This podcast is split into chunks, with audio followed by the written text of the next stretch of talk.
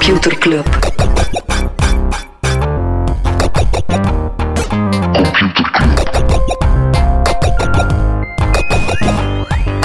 Computer Club. Hey Smolly, Hey Freddy, welkom, welkom terug. welkom. Welkom bij Computer Club, een wekelijkse podcast over technologie. Iedere aflevering selecteren Freddy en ik een interessant artikel en presenteren een feitje. Ik heb er geen zin in Smolly, ik wil er vanaf zijn. Oh nee, waarom niet? ik wil er gewoon vanaf zijn. Waarom? Als we de podcast ingeblikt hebben, dan kunnen we hem mixen, kunnen we hem online zetten. En de dag dat we hem online zetten, donderdag typisch, Ja, hebben we iets waar dat ik heel hard naar uitkijk. de nieuwsbrief die ook komt. Behalve de nieuwsbrief. Dan worden we ingehaald door de actualiteit. Nee, dan eh, ja, gaan we afspreken met onze vrienden van de show. Alleen met onze vrienden te goer met Computerclub. Ah, zo. nog eens af. Ja. Yes. Dat zit er aan te komen. Ik heb er eh, super veel zin in. Ja, ik ook. Wat gaan we doen met onze vrienden? We gaan naar een eh, mega geeky documentaire kijken. Echt zo'n ding waarvan de dat gewone mensen zich afvragen. Wie interesseert dat? En het antwoord is wij. Die, die 40 mensen die met ons mee komen kijken. Ja. En eh, ja, die dankzij teamleader eh, drankjes en pizza's en zo gaan eten. Ja, het zal lekkerder zijn dan de maïswafels die hier op tafel liggen, waar we hier maïswafels en water. Is dit een gevangenis of zo? Eh, het is niet zomaar... nee, Was zit hij hier met rijstwafels te shamen? Het Maïswafels, maïswafels. Het zijn maïswafels met sour cream en onion. Het is, het is een zeer rare hybride. Het is de snack van de maand hier. Oké. ja. Eh, nee, het is waar. Ik heb er wel super veel zin in. Ik ben er wel een klein beetje nerveus voor. Weet je waarom? Nee? Je weet dat er ja, grote figuren naar Computerclub luisteren. Frank de Bozere bijvoorbeeld. Uh-huh. Ehm, het Witte Komt Huis... Nee, het Witte Ah, Huis eh, luistert ook naar Computerclub. Is dat? Ja, hij was bezig in aflevering 188, een aantal afleveringen geleden, rond ja, het gevaar van de oorlog volgen op TikTok. Ja. En het feit dat, dat je daar niet altijd de juiste info krijgt. Wel, het Witte Huis die hebben een eh, briefing gedaan aan de grootste TikTok-creators van Amerika. Van ja, hoe dat ze best omgaan met een ja, toch wel belangrijke En verantwoordelijkheid. met desinformatie en dat soort zaken. Dan, eh, Voilà. voilà. zalig. Ik ga even een jingle zoeken. Smalley and Freddy talk like money. Ja, het Bam. Gentse Checkroom heeft 15 miljoen dollar opgehaald. Ik heb die geïnterviewd voor Trends Magazine. Dat is een van de grootste kapitaalrondes van Vlaamse scale-ups van het voorbije jaar. Dus dat is wel echt vet. Die maken software voor filmploegen dat die hun cameramateriaal snel kunnen terugvinden en op de juiste manier kunnen terug uitlenen. Onder andere The Mandalorian is gefilmd met de op de achtergrond eh, Checkroom software draaien. Een van onze vrienden, Jan- Jens, is daar Werd daar? engineering Ah, manager, nice. denk ik. En eh, onze andere vrienden Kurt en Mike werken daar ook. Hè. Effectief, effectief. Ja, super slim product, hè. Ja. Echt zo'n niche, is een, ja, niche, niche is misschien ja, wel een niche eigenlijk. Hè. Super niche. Hij is een super niche waarvan dat je denkt van, inderdaad, het super veel steek. Het alternatief perfect. vroeger was een klembord met een papiertje op, waar mensen zeiden, ah, die hebben eh, drie van die lenzen mee, twee statieven van dat en die een camera. En nu is dat gewoon gedigitaliseerd. Top. Top. Freddy, waar gaan we het nog niet over hebben? Ehm jinglede hij mij wat eh, wetgevend eh, in? Regulation, up. Ja, dat is eentje eh, opgedragen aan onze vriend Jan, die eh, werkt in eh, de wetgeving. Dus die zegt, dat is mijn favoriete jingle, want dan komt er... eh, is waarschijnlijk een van de enige, enige mensen die enthousiast is over de regulation rubriek. Het is er deze keer eentje, een, een double whammy over crypto. Ehm, in de VS is er een executive order geweest, heeft ome Joe een eh, brief geschreven. Eh, nee, waar dat eh, basically de overheid die zegt van oké, crypto bestaat, er zit iets in... Crypto, God leeft, crypto bestaat. Ja, maar het, is, het, is, het, het getuigt wel van een bepaalde maturiteit, maar het zegt wel dat elk agentschap ja, wel moet nadenken van oké, maar wat betekent het dan rond consumentenbescherming, criminaliteit, et cetera. Maar dus ehm, wordt over het algemeen positief onthaald door de crypto-bedrijven Mhm. van oké, het toont wel dat het serieus genomen wordt. Ehm, ergens is het wel spijtig, zeggen ze dan ook, van dat er wel geen centraal agentschap voor komt. Dus het wordt onder de gewone agentschappen zo wat verdeeld. Ja. Dus dat betekent dat ze ook niet allemaal op één lijn gaan zitten, maar het wordt wel gezegd van oké, je moet het wel eh, serieus bekijken. Dus de kans is wel zeer reëel dat daar de komende jaren dan eh, betere wetgeving rondkomt. En in de EU konden ze niet achterblijven, daar hebben ze deze week ook gestemd. De Markets in Crypto Assets Wet, kortweg MICA. Eh, wat is daar opmerkelijk? Het, is heel technisch. Eh, wel opmerkelijk is dat ze ehm, proof of work niet hebben verboden. Heb je al eens van proof of work en proof Nee. of stake gehoord? Dat is eigenlijk zo de manier hoe dat een ja. transactie op de blockchain weggeschreven wordt. En proof of work is, ja, ik pin me er niet op vast, is, is de zekerheid. Dan heb je de transactie echt al verwerkt, maar kost Mhm. natuurlijk meer energie. Eh, en onder andere Ethereum bijvoorbeeld, het is nu aan het omswitchen. Dus ja, de vraag was, gaat de EU vanuit ja, ecologisch oogpunt zeggen van dat mag niet, Eh, maar daarmee zou bijvoorbeeld Bitcoin al eh, uit de boot gevallen zijn. Dus hebben we uiteindelijk gezegd om dat niet te verbieden. Alright. Cowboy is bezig aan een uh, crowdfunding campagne. Ze hebben al 1 miljoen opgehaald op die manier. Ze zijn tegelijkertijd ook met een investeringsronde dat ze net hebben afgerond. Dus uh, heel veel geld. Ja.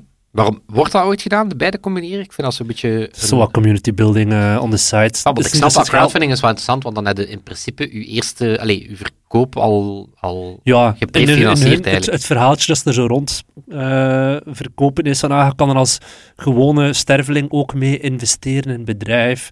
Ja, yeah. uh, yeah, right. Het is gewoon community building en marketing. Over een elektrische fiets gesproken. Oké. Prefinancieren. Ik ga mijn segway gaan nog landen. Uh, Peloton. Daar hebben we het in Nieuwsbrief 55 over gehad. Ja, het bedrijf die home trainers en zo maakt. En uh, ja, een beetje slechte papieren zat. Uh, die experimenteren nu met een nieuw businessmodel. namelijk het dure toestel en het abonnement in één bedrag. Voor 60 dollar. 60 tot 100 dollar. En dat is huurt het je leest het dan ja, in principe, ja. En als je dan je abonnement stopt, dan stuur je die fiets terug. Okay. Ik vind het eigenlijk raar dat ze het nog niet deden, want het is een redelijk uh, duur toestel. Mhm. Het zijn ook dure abonnementen, maar typisch zo'n uh, as-a-service model komt dan op het einde van de rit ja, vaak duurder uit voor mensen. Dus uh, ja, het is een van de dingen die de nieuwe CEO aan het, aan het uitvoeren is. Ja, ze hebben klap gekregen tijdens de pandemie. Wie dat er ook nu terugkeert naar kantoor na de pandemie en daar een, een domper op de feestvreugde krijgt, dat zijn de meta-employees. Want Facebook die gaat de kleren niet meer wassen Vroeger was het dus, die hadden op kantoor zo'n uh, wassalon. Wassa, wasseretten, dat woord. En, uh, wassalon, dat klopt ook. Ja, en ja. Het, ze gaan dat nu sluiten voor de employees. So, dat was first world problems. Ja, dat, dat, dat komt hard aan. Ik, eh, ik, ja, ik hoop dat de steun, uh, ja. steunbetuigingen en, uh, en benefieten... Uh, en dat er emotionele bijstand is voor de medewerkers. Ja, ja ik, hoop, ik hoop dat de, dat de achtergrond van de Facebook-app, van de, van de KBC-app binnenkort ja. opgedragen wordt. Facebook 1212 meta, metamates, uh, die ook de belachelijkste bijnaam ever. En ik ken ze nog meer non-nieuws, maar... Ja? Ja, ik weet niet. Zal ik nog... Ja. Hoeveel wilde er nog? Nog eentje. Nog eentje. Nog eentje. Uh, nog meer slecht nieuws voor de global supply chain. Uh, Shenzhen. Ja. Gaat terug in lockdown. Ja, het lijkt zo wat alsof dat COVID lijkt hier zo wat achter ons. Of, of... Iedereen heeft nu plots griep ook. Ja, gewone griep. Zeker niks speciaals. Um, maar in China ja, kampen ze met de sterkste outbreak van COVID sinds het begin van de pandemie. Dus uh, Shenzhen, waar dat onder andere uh, Foxconn de iPhone maakt, mm -hmm. ja, dat gaat daar uh, zes, zeven dagen in lockdown. Dus ja, dat, voegt, dat gaat de wachttijd op onze elektronica ja. alleen maar groter Alright. Ja. Jammer voor de mensen die geen smartphone kunnen kopen, weet je dat ze gaan missen? Er komt een soort schattenjacht op Tomorrowland en je kan NFT's vinden. Ja, en echt no shit, heb op persweg binnengekregen. Zeer, uh, zeer leuk voor die mensen die uh, daaraan willen meedoen. Tof voor hun. En zijn de, ik dacht even dat zo, en de NFT's zijn dan pilletjes ik weet niet hoe dat in toffe kleuren. En ja. je kunt die dan kopen van figuren Met op de weide. geld en, en veemunten en zo. Ja, ja, zo ja, kennen we dat het. wel lekker strak. Uh, over NFT's, um, ja, ook een beetje een throwback naar uh, de aflevering over de Board Apes Yacht Club, Ah, ja. 72. Ja, Yuga Labs, bedrijf daarachter, die kopen Larva Labs. Het is iets met labs. Um, en dat is het bedrijf achter CryptoPunks en de Meebits, wat dan twee andere heel, heel grote populaire... Of de CryptoPunks is misschien zelf een beetje de, de, de NFT-afval à lettre, denk ik. Uh, Is het zo te lachen naar mij? ik ben nu zo'n out-of-body experience aan het meemaken, dat, dat we zo vanuit 2019 naar onszelf luisteren. Ja, wat, wat is dit? De apen kopen de punkers. Voilà. Um, maar wel interessant, want ja, Bored Apes is wel is waarschijnlijk wel het coolste van, van heel die band, of, of pakken het wel echt slim Mhm. aan. Uh, die, um, die hebben al laten weten, dus de Yuga Labs hebben al laten weten van kijk, we gaan ook de IP van die NFT's, uh, ook voor die CryptoPunks en Meebits, ook aan de owners geven. Ja. Uh, Ape Yacht Club, eens dat je die app Ja, ja. kan je daar, net zoals West Warner Music, ja, een band mee maken en zo. En er is ook één, het, het hoofdlogo van de apen, die is aan collectief bezit. Dus alle winst die daarvan komt, wordt verdeeld Ah. onder alle owners. Wel, en wat ik niet wist, is dat die Yuga Labs, die werken eh, samen met de manager van Madonna en U2 voor de rond de commercialisatie van die assets. Ja, van die dus apen. binnenkort op elke iPhone een rode aap. eh, Ik had exact diezelfde lol opgeschreven, zoals ik had gezegd. is binnenkort ongevraagd op je iPhone Ja. een Bored Ape zonder dat je die kunt verwijderen. Ah, Smally, we zijn toch één, één hive mind. Ik ben de punk, jij bent de aap, of omgekeerd. Freddy, waar gaan we het wel over hebben deze week? Waar gaan we het wel over hebben? Eh, ik, eh, eh, topic dat zo af en toe is passeert, maar dat we volgens mij nog nooit op ingezoomd hebben. Telegram. Mhm. De, ja, de, de chat-app, ook de populairste chat-app in Oekraïne. De president gebruikt dat om berichten te sturen. Eh, inwoners gebruiken dat om met elkaar te communiceren, met familie. Mhm. Eh, als nieuwskanaal. Het leger gebruikt het zelf. Dus, Zelfs is van langen over. ja, maar dus, dus ja, heel belangrijk. Ehm, maar, en nu moeten mij zo met een slimste mensenstem. Wat weet je eigenlijk over Telegram, het bedrijf? Freddy, wat weet jij over Telegram, het bedrijf? Wat Oscar weet winnaar. The Guardian over Telegram, Oké. het bedrijf? Nee, een eh, goed ehm, stuk gelezen over The Guardian. ehm, waarbij dat ze eens gaan kijken zijn naar ja, het bedrijf Telegram. eh, wie zit daarachter? Wat zijn daar, wat zijn daar eh, de toekomstplannen? Met ook ja, een beetje een, een, stukje ja, rond de populariteit, het businessmodel, een beetje de, de, de valse reputatie van veiligheid. Daar ga ik het zo Mhm. meteen wat over hebben. Ehm, maar dus ja, wie, wie, wie zit daarachter? Ehm ja, vrij eh, enigmatische eh, figuur of figuren. En dit is meteen ook de meest Russische zin ever. Allee, de meest Russische zin. De zin is niet Russisch, het is Engels, maar Russischer wordt het niet. Telegram is co-founded by exiled Russian billionaire brothers Pavel en Nikolai Durov. ja. Exiled Russian billionaires. Oké, dat is het, het exportproduct uit Rusland. Uh-huh. Ehm, maar dus ja, twee broertjes. eh, ja, echt zo van die zot slimme eh dudes. Pavel is dan de meer charismatische. eh Nikolai is vrij, echt zo Rainman-type, maar, maar blijkt, blijkt wel echt een computerwetenschappelijk genie te zijn of zo. En die Pavel Durov, die wordt wel eens de Russische Mark Zuckerberg genoemd. En dat, dat wist ik bijvoorbeeld niet. Als Eh, wat de Amerikaans nog niet erg genoeg was. Wel, maar ik ga zo meteen wat hinten naar de Amerikaanse Mark Zuckerberg. Maar ehm, in 2006 heeft die Durov ehm, samen met zijn broer dan eh, V-contacten opgericht. Dus Eh, de Facebook van... VK, wat de Facebook is van, eh, van Rusland. En tot op heden nog altijd het meest populaire sociale netwerk in, in Rusland. Dus die is niet aan zijn proefstuk toe. Ehm, maar dan ja, heeft, gaat hij natuurlijk stilaan steeds meer aan de stok krijgen met Rusland. Want die eh, Pavel Durov is eh, zo'n hele eh, libertaire denker. Zo gelooft niet in overheden en gezag. En dat merk je dan, dat merk je dan in Telegram natuurlijk heel sterk. Maar dat is echt wel een figuur, zoals dat ze zeggen. Onder andere heeft Edward Snowden een job aangeboden.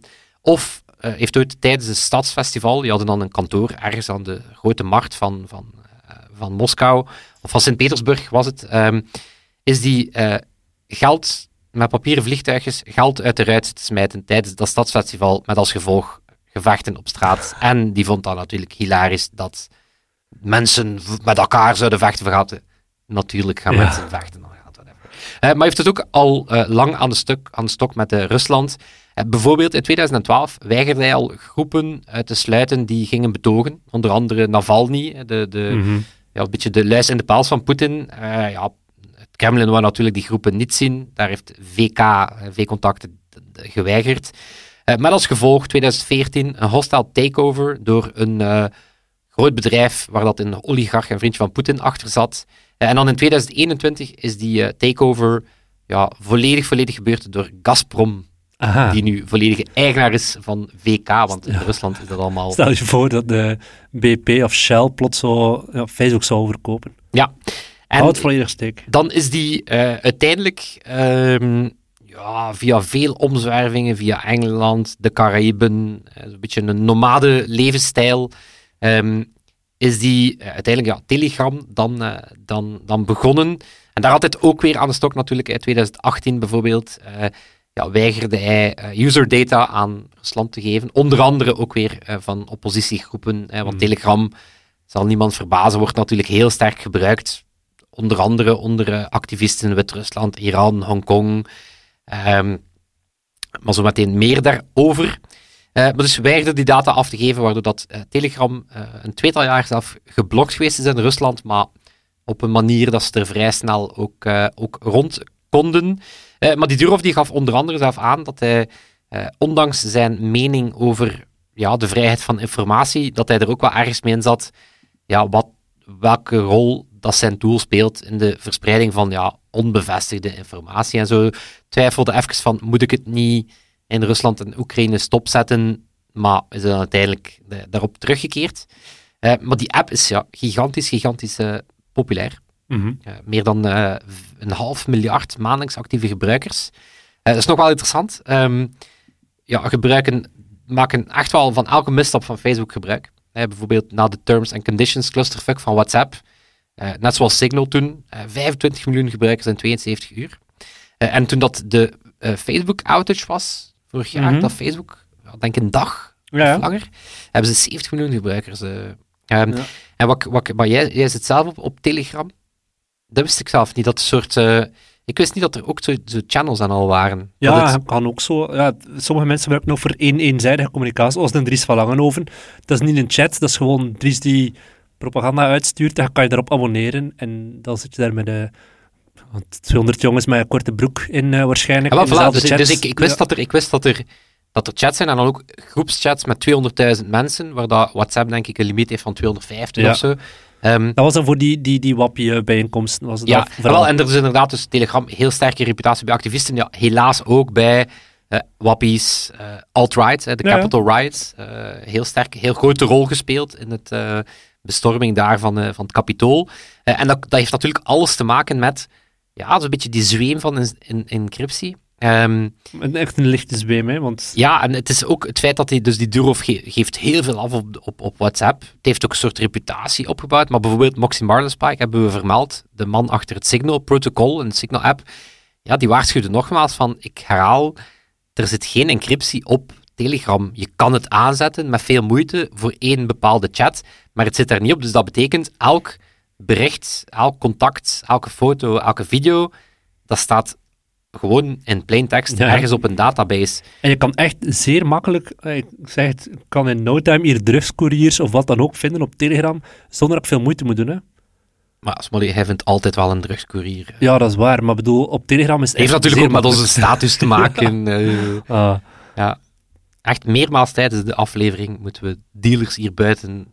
Omdat we zeggen, we staan al strak genoeg van al deze informatie. Ja, inderdaad. Sour cream, maiswafels. Let's go! wat heb je nog meer Ehm, nodig? Maar eh, dus ja, die, die, die, die veiligheidsreputatie is wel interessant. Maar ook, Boyd, het, ehm, het businessmodel. Ehm, door die ervaring met V-contacten ja, heeft die Durov eh, Mm. liever natuurlijk geen investeerders. En oké, hoe houdt hij dan de lichten aan? Ja, wel daar, en daar, daar is wel zo even een mysterie, heeft te maken dat hij tussen de 300 miljoen en de 17 miljard zou bezitten. Prijs voor Oké. oké.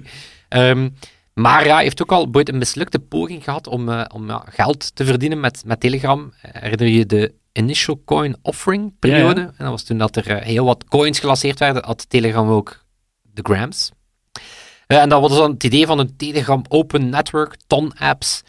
Eh, die hadden toen ja, wel geld opgehaald, maar er ging een heel raar vibe rond. Het was, ze hadden wel 1,7 miljard opgehaald, maar het was niet duidelijk naar wie dat het dan ging en wat dat ze ermee ging doen. Twee jaar later opgedoekt en een eh, settlement moeten doen met de SEC in de VS. Eh, en nu zouden ze blijkbaar het gaan proberen met privacy-safe advertenties en sponsored channels. Wat een beetje tegen de beloftes van Durov ingaat. Die zei, Ja. net zoals de- onder andere de oprichters van WhatsApp, van we gaan altijd eh, advertentievrij zijn. Eh, maar ze zouden zich eh, naar het einde van het jaar opmaken voor een IPO. Alright. 59 miljard. Ik zou er niet meteen in investeren. Ik ga, ik ga iets super smerig doen, Smolly. Wat? Ik heb nog een artikel gelezen over Nee, jingle. Ja, nee, ik heb, maar. ik had achter een soort pay- paywall steken. Nee, nee super interessante Wired-artikel. Combinatie de op het gebruik van eh, Telegram bij de Capitol Hill. Eh, daar, daar keken ze even op terug. Maar dan vooral eh, het figuur van die Durov. En ja, is een beetje de... de ja, is echt bijna een soort sectarische vibe daar rond die dude hangt. Ook een heel kleine organisatie, heel raar. En ja, het hele verhaal van hoe dat hij uit Rusland en uit V-contacten en dan in Telegram en dan in en uit Rusland is, eh, is het een interessant hoofdstuk op zichzelf. En ik ga het in onze clubhuis gooien. Alright. Samengevat en al. Want het is echt een long read die de naam waardig is. Het is eigenlijk een, eh, een klein half boek. boekie. Ja. Eh, dus ik, ik, ga daar, ik heb daar zo wat ja, hele coole extra weetjes over Telegram. Alright. Ik ga die in onze clubhuis delen. Top. Nu is het aan mij voor een beetje. Jingle it. Computerklas. Freddy, heb je ook het gevoel, dat je door deze podcast overal feitjes begint te zien? Als een tekst is en denkt, ah, nog een feitje, nog een feitje. Absoluut, en ik ben al zo interessant. Wel, maar dat is een soort... Het is een, een, een lichte vorm van het Tetris-effect. Tetris-effect. Ah, yo, Smolly. Het is zo. Het gelijk. Het gezegd. Ja, ik zie heb voorhand Freddy Kevin Weetje, de echt perfecte Freddy Weetje zou kunnen zijn. Tetris-effect, dat is het, het gevoel dat je hebt als je een game speelt, dat je dan nadien ook in de werkelijkheid die dingen begint te zien. En dan, eh, het, is, het komt, eh, de eerste keer is het eh, beschreven in een artikel in Wired in, uit 1994, waarin het de auteur zei van, ja, ik heb zodanig veel Tetris gespeeld, dat als ik s'nachts in bed lig en naar mijn tapijt kijk, dat ik zo blokjes zie bewegen op dat tapijt die zo neervallen, zoals hij Tetris zit te spelen. En het is eh, eigenlijk, de, het concept gaat al een beetje langer mee. Het doet me ook een beetje denken aan zo'n zeebenen. Je hebt heel lang op zee gezeten, je komt terug aan land en je hebt nog altijd het gevoel dat je op zee zit. Er is zelfs, ja, het Tetris-effect is zeer nauw. Je kan ook iets breder gaan. Het game transfer phenomena. Dat bestaat nu al een paar jaar, is dat zo beschreven. Dat gaat breder dan enkel dingen zien. Maar dat kan ook dingen, gebaren zijn of uitspraken, dat je onbewust doet, omdat je zodanig veel in een bepaalde game zit. Het feit dat hij toen, toen hij in die Red Dead Redemption periode zat, constant dingen zat te zeggen uit dat spel, of dat je onbewust bepaalde handelingen met je vingers doet, Of dat ik gewoon kon paardrijden. Plots, ja, kon je paardrijden. Absoluut. Jawel, maar het is dus eh, ja, een vorm van het Tetris-effect. Eh, Dingen zien, voelen of eh, uitspreken die terug te baseren zijn op een game dat je heel veel aan het spelen bent. Ja. En ja, Ik- ironisch dat- genoeg dat- hebben ze ook een game dat- die Tetris-effect had dan eerder Wat? het, Freddy-effect. Of een paardenmeisje-effect. Zalig. Ja, het Echt een eh, een zeer Freddy weetje, inderdaad. Vanaf dat ik het tegenkom, dacht ik, alright, perfect. Ik heb ook eh, artikelen... Het is eigenlijk geen artikel. Ik heb heel veel rapporten gelezen de voorbije dagen. Grote man, grote man. Ja, maar het was wel een serieuze boel. Het was eigenlijk... Ik was zeer benieuwd. Oekraïne ligt nu in oorlog met Rusland, maar dat tech-ecosysteem in Oekraïne, daar ken ik eigenlijk eerlijk gezegd niets van. Ik ben mij gaan verdiepen in rapporten van zo wat, dat, ja, wat dat dan lokale agoria dan of zo moet zijn, de tech-federaties van Oekraïne. Voor de mensen die het willen zien, ik ga redelijk wat cijfers droppen, maar eh, techukraine.org heeft zeer goede, zeer mooi vormgegeven rapporten over die sector, hoe dat die in elkaar zit, uiteraard maar tot 2021. Want het is de, de derde grootste exportsector van Oekraïne. De techsector is de voorbije 15 jaar daar 114 keer verdubbeld. Dus dat is huge, die is echt keihard aan het knallen, vijf keer sneller dan het wereldwijde gemiddelde. In 2021 alleen al was die sector 36% gegroeid tegenover het jaar voordien. En je voelt van alles in al die rapporten, dat is nu zeer tragisch om dat zo te zien, van dit ging de jaren zijn van de breakthrough, dat echt van Europese middentop naar de echte de wereldtop kunnen gaan. Er zijn 5000 IT-bedrijven in Oekraïne en 250.000 developers. 54% van de leerlingen in het middelbaar die willen in IT werken. En eh, per 100.000, eh, we, denken, we denken vaak dat is zo in heel het Oostblok zo, maar, of heel Oost-Europa zo, het is nog extremer in Oekraïne. Per 100.000 mensen studeren er 68 mensen af in IT. Als je dat vergelijkt met bijvoorbeeld Polen, eh, in Polen is dat 23 mensen. Dus zelfs in Oost-Europa, waarin we nu al, al jaren merken van ah, daar is IT echt wel opkoming, springt Oekraïne er nog een stuk bovenuit. En vroeger zagen we dat als een soort low-cost plek om, om de boel te gaan outsourcen. Nu is het op veel vlakken gewoon zelfs een trendsetter. Als je kijkt, een aantal scale-ups die wij, die wij kennen, of mensen, zoals de oprichter van WhatsApp, een van de twee oprichters, die is een Oekraïner. Maar ook ehm, Grammarly, GitLab, dat zijn allemaal Oekraïnse scale-ups. Die, ja, GitLab heeft was het 650 miljoen opgehaald vorig jaar, Grammarly Ik 200 ging, miljoen. ik ging een slecht lol maken van Brian Acton. Een rare naam voor een uh, Oekraïner. En het is een ander, hè? Jan, Jan Koem. Ja, inderdaad. People.ai ken ik zelf niet. 100 miljoen opgehaald. Sales- en marketingplatform. Maar dat is, ja, dat is vergelijkbaar met of uh, zelfs boven wat dat Belgische scale-ups Ja, maar er, daar, zit ook, daar zit ook heel veel... Um, ja, heel veel komt daar ook een beetje uit, die, uit dat loskomen van dat Sovjet-blok, waar Mhm. mm -hmm. dat ze heel veel rond e-government ja, moesten Ja. gaan doen. Estland alles rond bijvoorbeeld. decentralisatie, alles rond cybersecurity, zijn allemaal zaken dat ze daar gewoon in het uh, kraantjeswater, uh, ja, ja. in het, de rode kraantjeswater meegekregen hebben. Dus daarmee dat die, dat die niet gewoon en als je van een verse start wat kan wij beginnen, gaan doen, maar eigenlijk Ja, meteen nadat de paradigma's beginnen doen zijn, uh, Yes. waar dat wij nu achteraan lopen. Ja, ja. Maar je merkt ook dat, als je dan die cijfers ziet, het was nog, stond nog op het kantelpunt. Uh, het waren heel veel start-ups. 86% van die bedrijven had minder dan 80 werknemers. 11% zat tussen de 80 en de 200. 3% tussen de 200 en de 800. En 0,5% van die bedrijven was groter dan 800 mensen. Wat dat dan wel zo jammer is, van ja, het was wel heel veel, een heel grote basis die gelegd was om omhoog te gaan. En Oekraïnse startups die zijn vaak al van bij het begin wereldwijd actief, omdat ze merken van ja, die, die doelgroep of onze afzetmarkt zal niet alleen Oekraïne zijn, maar die heel vaak ook al vanaf dag één eh, een internationaal hoofdkantoor hebben, zoals een Grammarly en zo. Eh, bij Grammarly zou je zelfs al niet weten, ah, dat is iets Oekraïens of niet.